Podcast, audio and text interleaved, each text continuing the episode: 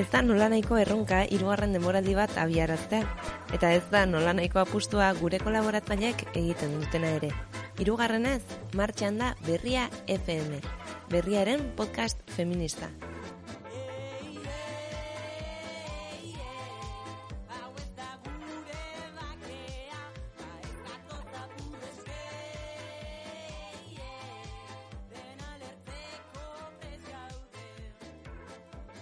Araiz mesantzaren ilustrazioekin, intzalkain eta beha izabalen umoretartearekin, eta berriro ere, ni maider galardiren ahotxarekin. Babesa berria taldearena da, eta hilean behin, genero begira da intzat hartuta landuko ditugu unean uneko gaiak. Aurten ere, ez dira faltako elkarrizketak eta mai inguruak. Ni aurtengoan saiatuko gara are sakonako lantzen gaiak. Lehenengo honetan, Lara Izagirre zinema zuzendaria izan dugu gurekin, Nora filma aretoetan da oraindik eta hemen elkarteko lendakaria izan da zinemaldiak emakumeen presentziaren gaineko gogo eta bultzatzen dabil egun hauetan. Gauzak nola diren gaur jasoko du Donostia saria Johnny Depp aktoreak. Hori guztiari buruz hitz egin genuen izagirrerekin duela egun batzuk. Victoria Eugenia Antzokiaren kanpoko terrazan, Maria Cristina Hotelaren alboan eta kursala parez pare genuela, Langileak zinemaldirako behartzen guztia puntuan jartzeko lanean ari dira. Eta horregatik entzuten dira urrunean gruak, kartelak jartzen, jendea han hemenka, oraindik bilera bat edo beste txoko batean eta bestean.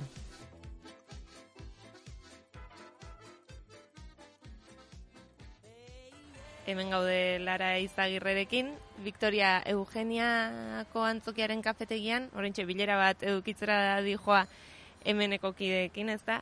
Eta zinemaldia astear da egun gutxi barru. Hemendik metro gutxitara prinzipe aretoan nora filma proiektatzen ari da oraindik, izan ere iaz estrenatu zuen, baina aurten hasi da zinema aretoetan e, ikusgai egoten.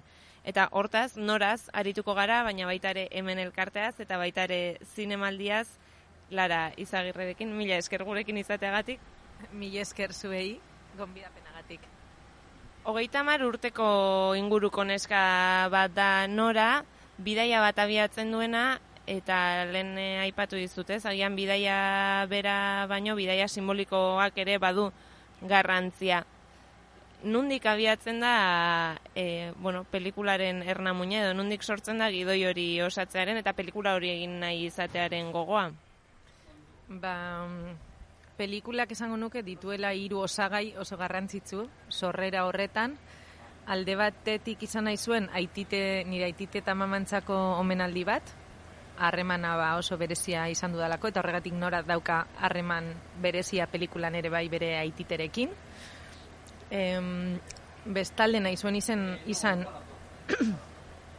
erantzun bat un otoño sin Berlin pelikulari un otoño sin Berlin zen barrura begiratzen zuen pelikula bat, baina ere bai barrutik, ez? Espazioak ziren itziak, ia pelikula osoa zen etxe barruan, eta oso udazkenekoa zen. Eta norak nahi zuen izan udako pelikula bat, oso udatiarra, eta beste energia batekin, erakutsi gure Euskal Herria kanpotik, e, Euskaraz, gainera, bueno, zentzu horretan nahi nuen pizkat aldatu energia eta tonua.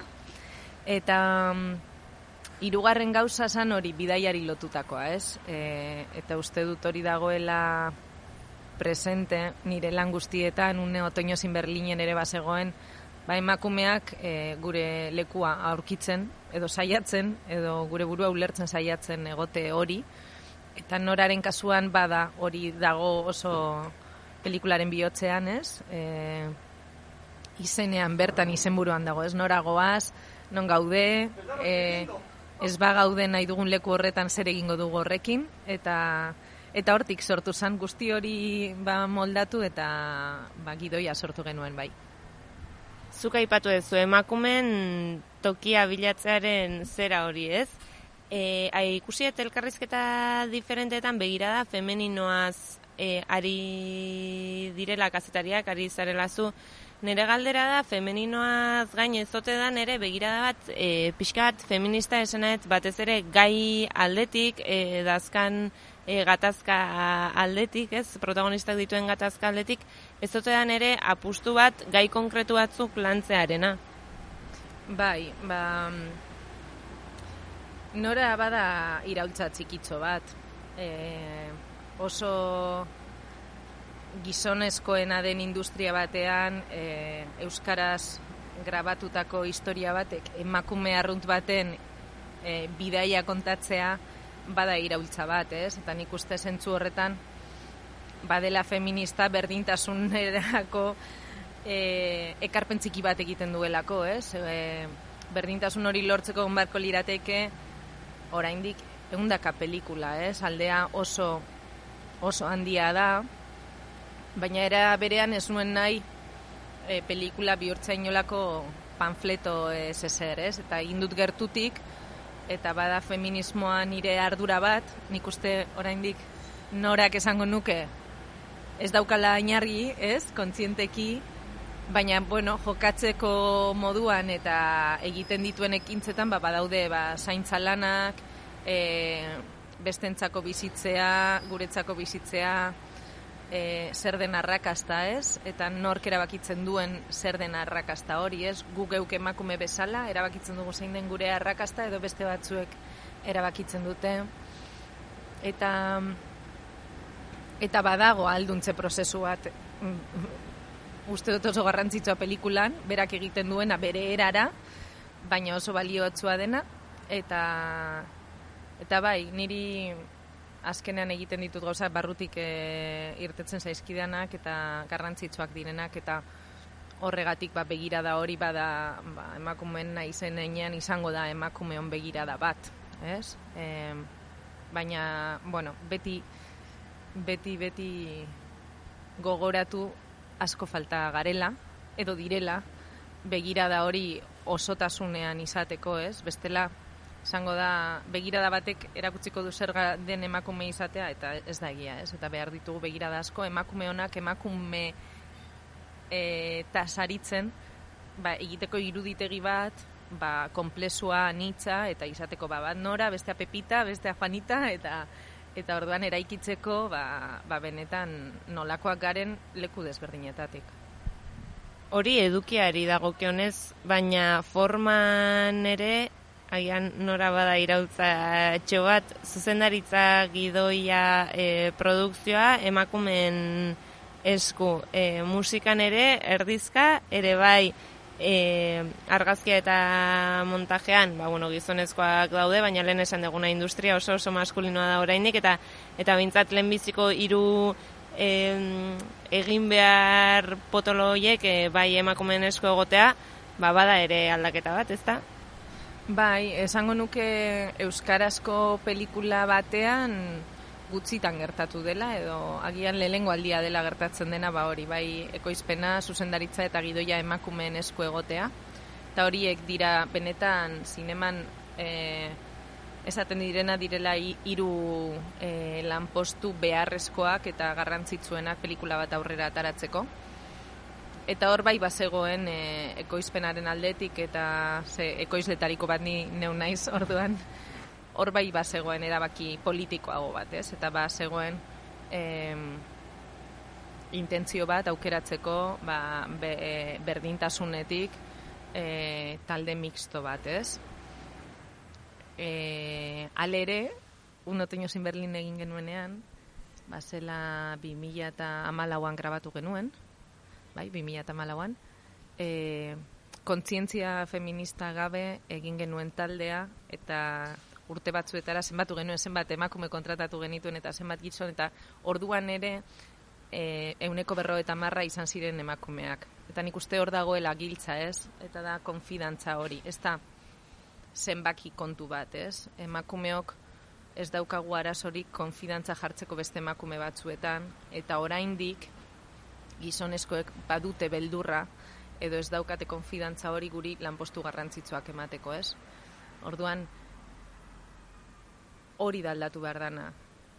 Mm, gizonek eh, eramaten dituzten proiektu sortzaileetan aldatu behar dute konfidantza hori, ez? Eta bai berdintasunetik begiratu emakumeak eta lanpostu garrantzitsuetan jarri, eta esango nuke apurka-apurka aldatzen ari den zerbait dela, baina kostatzen ari dela, ze orokorrean e, gizonezkoek eramaten dituzten proiektuetan e, euneko hogeta marra baino ez dira emakumeak. Eta gutxitan e, talde bateko buru bezala, ez? Orduan, badago hor lana egiteko.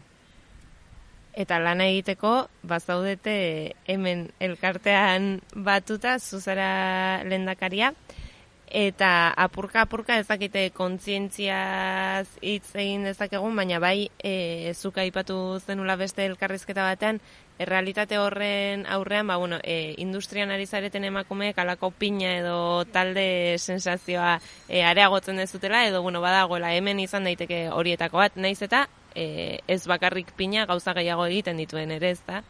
Bai, e, azkenean nik uste hemen sortu zen 2006an, eta batez ere hasierako beharra zen e, elkar ezagutzea. Ez? Zatea, hemen gaude, zenbat gara, eta e, elkarlanean aritzea eta sarea sortzea, ez?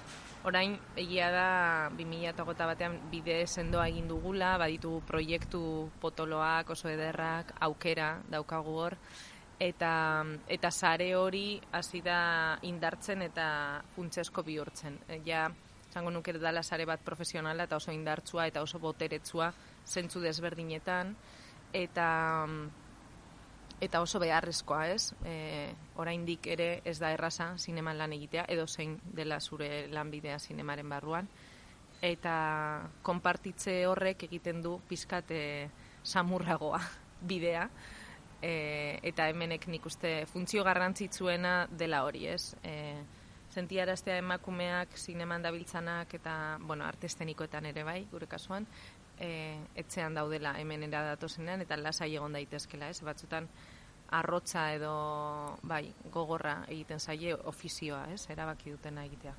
Ze, hemenen elkartzen zerate alde guztietakoak, ez? Ekoizpenetik hasi, aktoretatik pasa eta lan teknikoen etaraino ere e, bertan zaudete eta sare sozialetan segituta behintzat, e, bai, e, bakoitzaren lorpen txikiak eta e, bueno, ondo ospatzen dituzte, ospatzekoa delako, ez? Ikusgaitasun hori eta ikusgaitasunaz e, ari naizela eta zinemalia bertan bertan dakagula bai galdetu behar dizut e, ezakit ba bestelako gorputzak era ikusgarri egiteko baina baita ere emakumeen lana ikusgai izan dadin e, lerro horretan Berlinarlek hartu zuen erabaki bat izan zela zuzendari eta aktore onenen saria genero markari gabe ematea eta aurten zinemaldiak ere erabaki bera hartu du. Aipatu zuten hori mugimendu feministaren eskaera bat zela eta nolabait urrats bat e, aurrera zela ba, e, dikotomia horri aurre egiteko ezakit zuk ze, zuk ze iritzi ezun.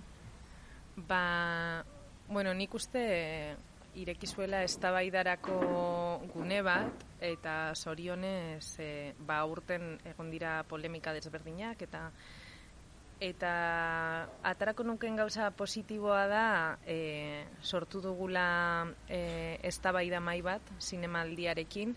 E, lehenengo ekitaldia izango da orain e, zinemaldian eta bertan bilduko gara ba, ba bai zinemaldiko ba, partaideak eta baita emakumen elkarteetako e, beste partaide batzuk.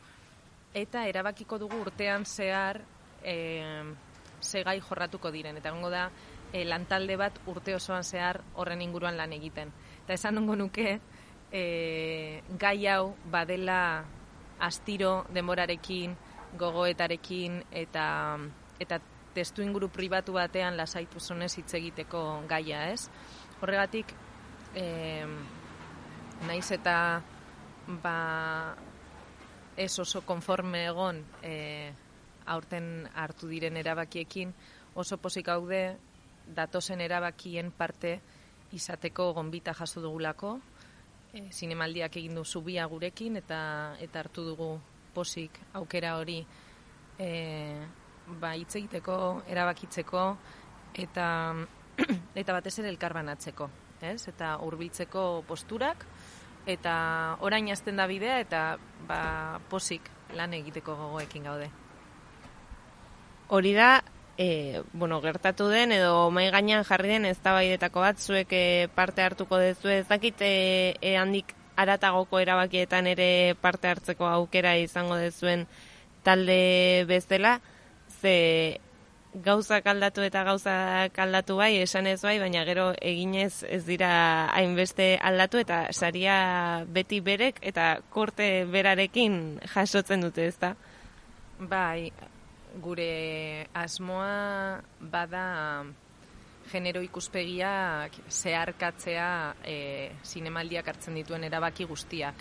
Egia da, lor batzuetan egiten ari direla, lortzen ari direla gauzak, baina beste leku batzuetan oraindik lortzeke daude gauza garrantzitsu asko eta gure asmoa da ba hori ez transversala izatea e, genero ikuspegia eta hortik erabakitzea ere bai e, gauza guztiak ez? Ez dakit e, zenbaterainoko e, aldaketa lortu dezakegun urte betean nik uste handia izan daitekela borondatea badago. E, orduan esango nuke baietz e, lortzen badugu genero ikuspegia egotea, e, sariak ere ba, genero ikuspegi batetik banatuko lirateke beste moduan hitzago batean, berdintzuago batean eta feministago batean. Orduan, ba, guk horretan egingo dugu lan urte osoan zehar, eta gero ikusiko dugu ea norarte iristen garen. Lortuko da lara noiz baite obra eta e, obraren egilearen zera hori e, e, bereizi egin behar dela eta e, ez dela bereizi, bereizi behar, baina lortuko alda hori gainditzea inoiz. Ba, hor bakoitzak ikusiko du, nik ezin dut bereizi. E, orduan e, bada gatazka bat batez ere e, hilda dauden artistekin, ez? Eta beste garai batean bizi izen ziren artista hoiekin, ez? Zer gutxi daukat esateko e, ez da erraza ulertzea beste momentu historiko bat, e, datuak ere nola komunikatzen ditugun gaur egun duela eundaka urteko gauzak ba, ez da hain erraza, baina nik esango nuke nire kasuan ez dagoela zalantzari gaur egun bizirik daudenekin ez dugula bere izketarik egin behar, ze pertsona bera da, arte hori sortzen duena, edo, edo zer gauza egiten duena, eta gero e, bizitza pertsonalean egiten dituen gauzak hori batuta doa, ez? Esango nuke e, bakoitzak erabaki behar du zer egingo duen informazio horrekin, baina banaketa batek e, ahalbidetzea e, edo zein motaketako gertaera posible izatea, ez? Badago arte sorkuntza prozesutik kanpo, ba, esango nuke ez dela nire ikuspuntutik ez da egokia. Orain bilera bat, gero zinemaldia, ze, or, ze datar arte egongo da gutxi gora bera nora zinemetan, eta ezagit lara badukazun ja beste proiekturik eh, eskuartean? Ba, nora behintzat, hau oso... Eh, bueno, oso urduri jartzen gaituen zerbait da beti ez. Orduan, eh, orain gaude bigarren astean zinemetan, eh, orain bi egun barru edo esango digute ea irugarren astean ere egongoaren e, zinemetan. Gauza eder bat gertatu da, normalean gertatzen ez dela, dela lehenengo astean irteginen kopia zenbaki batekin, eta bigarrenean gehitu egin ziren kopia horiek, ez? Orduan badago horrelako ba, batez ere Euskadin eta Euskal Herrian e, bueno, oi hartzun txiki bat, ez? Ba, polita da pelikula joan zaitez ikusten, eta orduan herrietatik hasi dira eskatzen, eta eta nik e, uste dut e, modu batean edo bestean e, ba, lau astetxo gongo garela, baditugulako ja da urrirako pase batzuk e, zein bat herritan e, adostuta, eta zineman dietan e, ba, ordutegi zaio desberdinekin eta ba, ba ez dakit, baina sentsazioa oso positiboa izan da, ze pentsatzen genuen agian zinemen erdiak enduko zizkigutela bigarren asterako eta gehitu egin dira, orduan ba, itxaropentzu gaude, gainera iparraldean e, pelikula ematen ari dira ere bai, dala lehenengo euskaraz e, pelikula bat mugaren bi aldeetan ematen den e, aldia batera, ez? Orduan, agian hemen ez gara egongo, baina agian jarraitzen du iparraldean, ez? Orduan, e, nik uste, bidea izango dela luzea, e, baina udazkena zinemaldia maitzen danean, e, benetan uste dut etorriko direla zinemaldiko proiektu potoloak eta hor ja, ba, norak e, itzi beharko diela lekua. Eta datozen urtei begira, ja burua martxan, ala... Bueno, hain, hain izan da luzea eta hain beste gauza gertatu dira nora egiten nuen bitartean, ba, momentu honetan esango nuke udazkena dela disfrutatzeko, e, jarraituko dute bidaian eta konpartitzen elkarbanatzen, izan da oso gara izaila elkarbanatzeko pelikula publikoarekin, ez? Orduan orain bai banago aldudan guztietan zinemaretodetara joaten, e, izketaldiak egiten, e, kasetariekin hitz egiten, badelako gauza bat asko gustatzen zaidan eta garrantzitsua dena niretzat e, filmei bukaera moduko bat emateko, ez? Orduan udazkena egongonaz e, disfrutatzen, eta gero baditut idaiak eta gozatzoak idatzita, baina oraindik ez daukat indarrik. Behar dut hau amaitu, ez? Eta gian 2022an edo hasiko naiz berriro idazten, baina gauza asko ikasi ditut eta eta, eta gusten da asimiliatu behar ditu dela, ez? Eta gian sinema beste modu batera egin nire nireago den modu batera, ez? Eta bueno, uste polita izango dela, baina denbora behar dut oraingoz. Ba, ze garrantzitsua ere eta ze ausardia e, horrela planteatzea gauzak eta eta datorren bide hori ere horrela planteatzea mil esker lara lana bintza badaukazu egun hauetan beraz animo eta mil esker gurekin izateagatik. Mil esker placer bat izen da.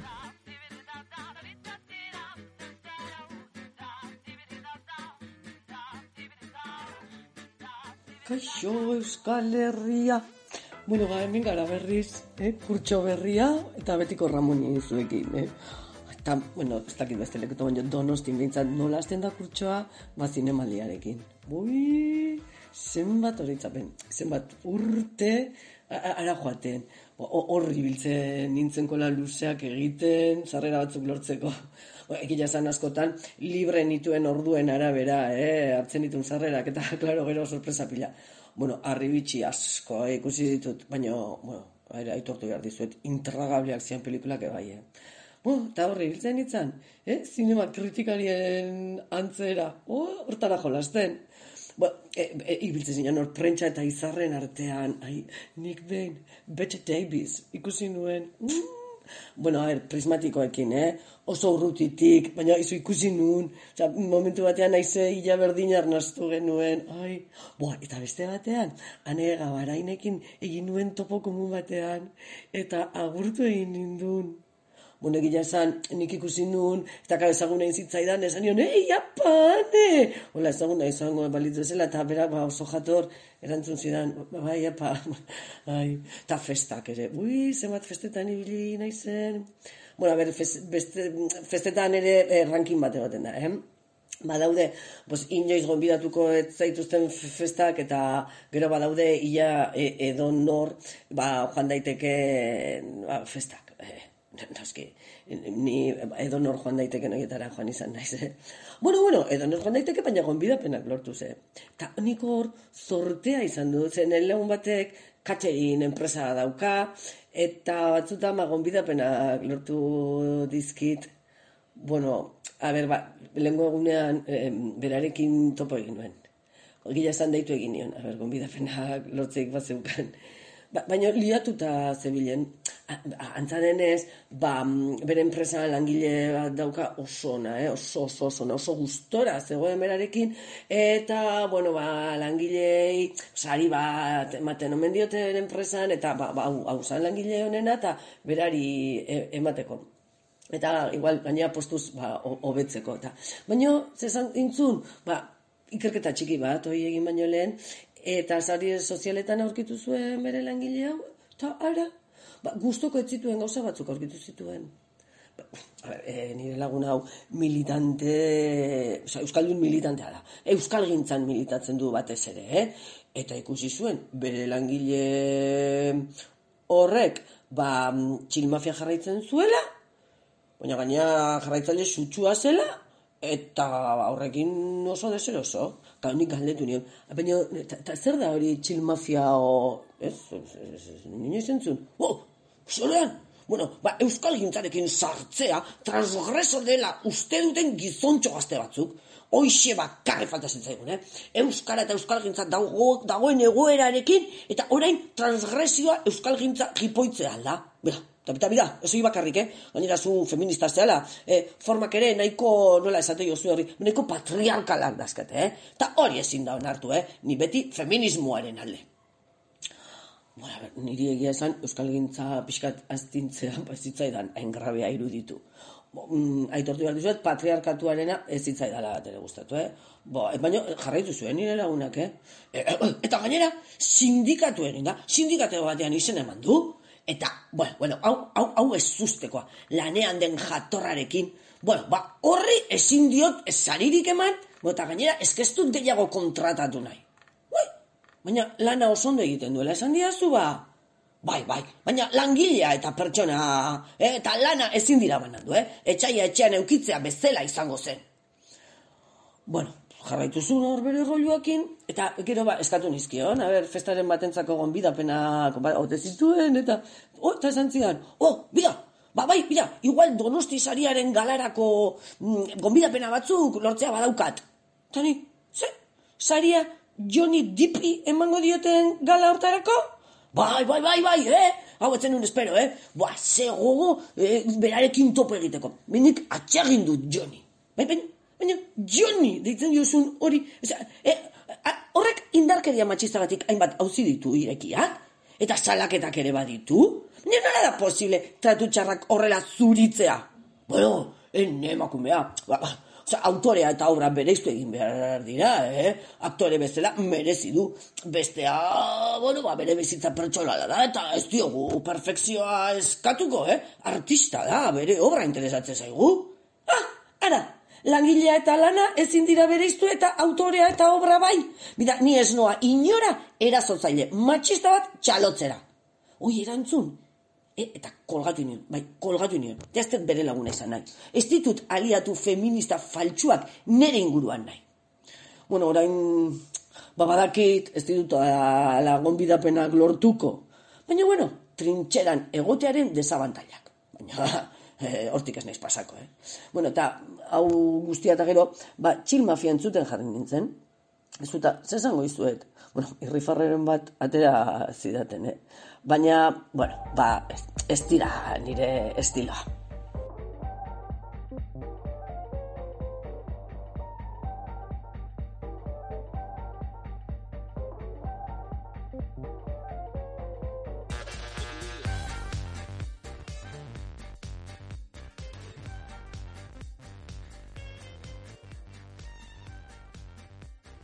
Ez da erraza denari punta ateratzea, ez da eman nahi den iritziaren puntuarekin beti ongi asmatza ere. Batzuetan, idatziko genituzke hiru puntueten, eta ale du gara orain arte puntu eta maiera absoluturik ez diazten. Beti izango da puntu eta jarraia, etengabeari garelako ikasten, hausnartzen eta iritziak kolektibizatzen. Horregatik, denboraldi berrian ez dugu saiora puntu bat egingo. Aitzitik, gaiak eskatzen duenean ikuspuntu berriak eta gaian aditu diren etxeko kazetariek emango dute begirada. Oraingoan, Lara Izagirrek eman digu pista bat. Lan handia dago oraindik egiteko ikusentzunezkoen industrian. Baita feminismotik ere jakina, emakumeak eta askotariko gorputz disidenteak ikusarazteko. Lenguai berriak esploratzeko, holtza gainean tokia egiteko, zer den saritzen dena eta bereizi aldaitekeen obra legatua autoren gandik aldiro aldiro sarean komunikabideetan eta lagun artean dagoen eztabaida da. Eta ez, soilik zinema arloan, begiratu bestela instituzioetan, enpresa munduan, ahotxo zenena nork duen, zein balore diren txalotuak eta zer, isildua. Apurka apurka ari da hori aldatzen eta guk segituko dugu urrengoetan ere fokuetatik kanpoko horri argia ematen saiatzen. Begi puntuan ez eukita ere begirada ara zuzentzen. Eta jakina, begi berriekin errealitatea ikusteko alegina egiten. Beraz, zurrengo hilabetera arte, entzuleok, aske eta buru aski izan zaitezte bitartean, eta bai, hirugarrenez, bueltan, gara.